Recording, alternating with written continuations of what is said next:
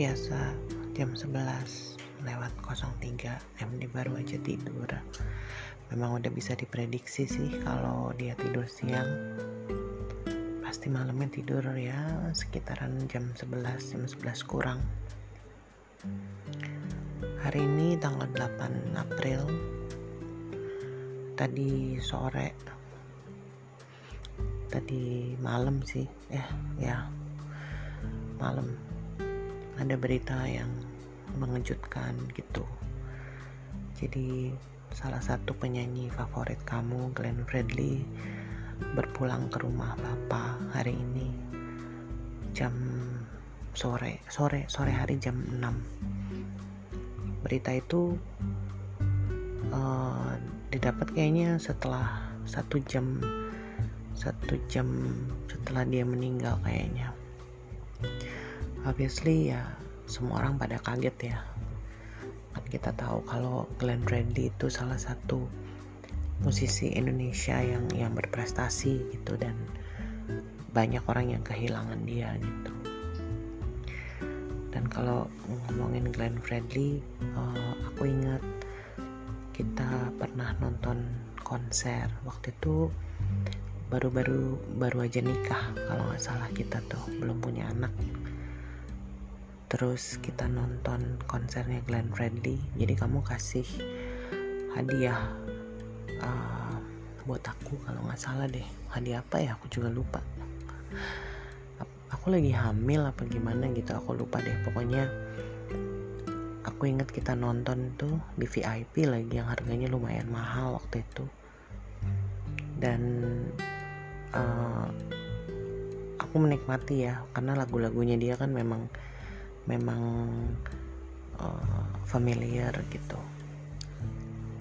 Dan banyak lagu romantis gitu. Dan aku datang di situ sama kamu terus posisinya duduk lagi nggak berdiri. Terus pandangannya enak gitu ke panggung gitu. Dan kalau secara profesional aku pernah ketemu sama Glenn Fredly di Manado ketika aku jadi bintang tamu di acaranya Rosiana Silalahi terus dia juga jadi bintang tamu di situ gitu. He's a good guy. He's a good guy. So I'm sure that you'll be happy to see him uh, in heaven. Um, karena kan kamu juga penyuka dari lagu-lagunya Glenn Fredly. Nah, aku lihat di sosial media semua orang membicarakan dia. Semua orang tuh bilang rest in peace terus mereka merasa kehilangan walaupun gak kenal secara pribadi gitu.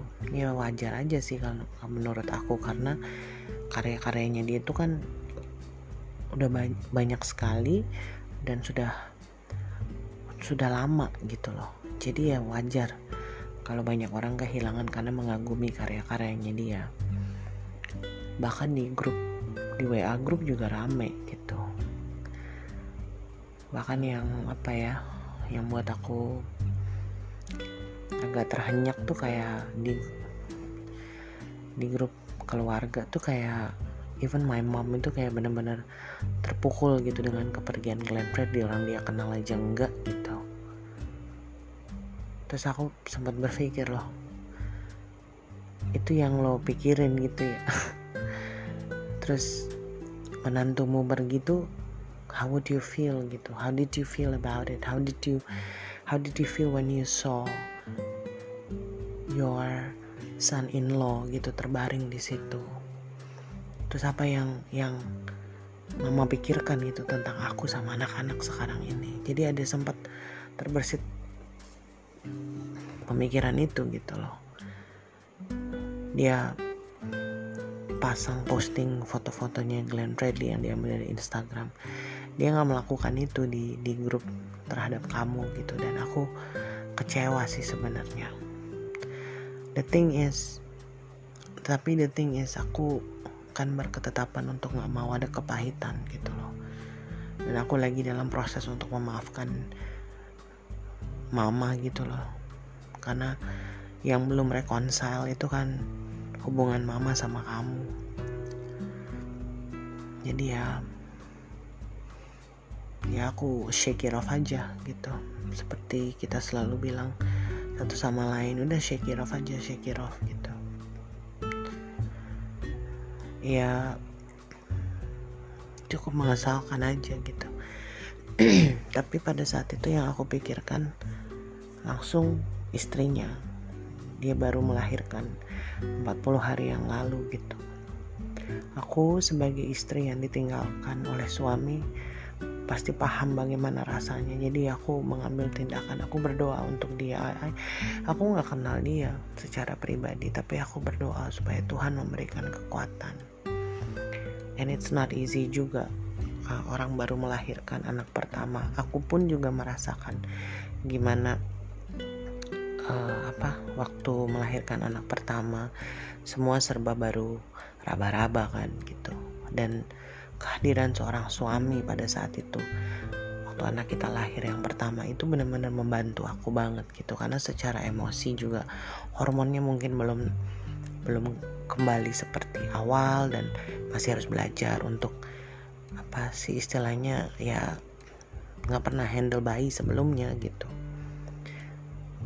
Nah dalam kondisi kayak begitu dia ditinggal pergi oleh suaminya. I'm sure dan pressure-nya dia besar gitu. Mungkin berbeda sama aku gitu. Kita nggak bisa perbanding aku nggak bisa perbandingkan uh, aku punya anak tiga gitu. Uh, dengan dia yang baru melahirkan. Yang aku tahu pasti sakitnya sama gitu. Walaupun dia mungkin baru menikah belum lama. Tapi the pain seorang istri yang ditinggalkan oleh suami itu aku yakin pasti sama. Pasti ada apa ya istilahnya separuh jiwanya hilang gitu loh.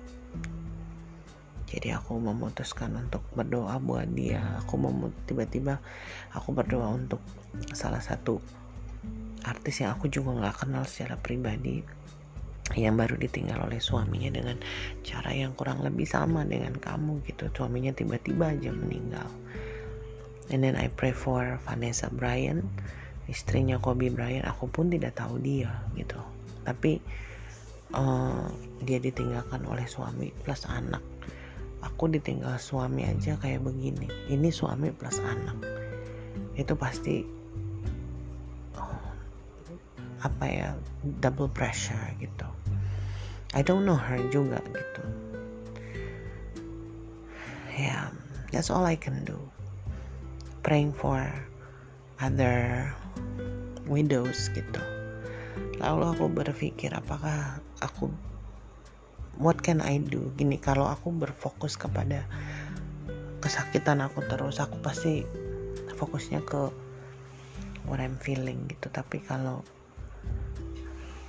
I can help other people or at least I can be a blessing gitu untuk other widows I don't know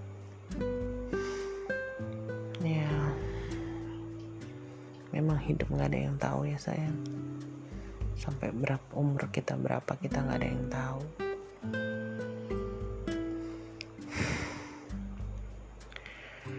But besok aku bikin schedule gitu.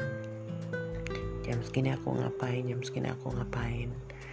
Biar ya paling tidak untuk sementara aku melakukan itu dulu supaya lebih terarah gitu. Akunya nggak pikiranku nggak ke mana-mana tidak mengentertain uh, emosi aku gitu. Dan hopefully sih bisa lanjut terus. Ya. Gitu dulu ya sayang. I miss you and I love you. And I know apa ya maksudnya your memory itu nggak mungkin akan hilang dari anak-anak juga especially with me. Have fun with Jesus in heaven sayang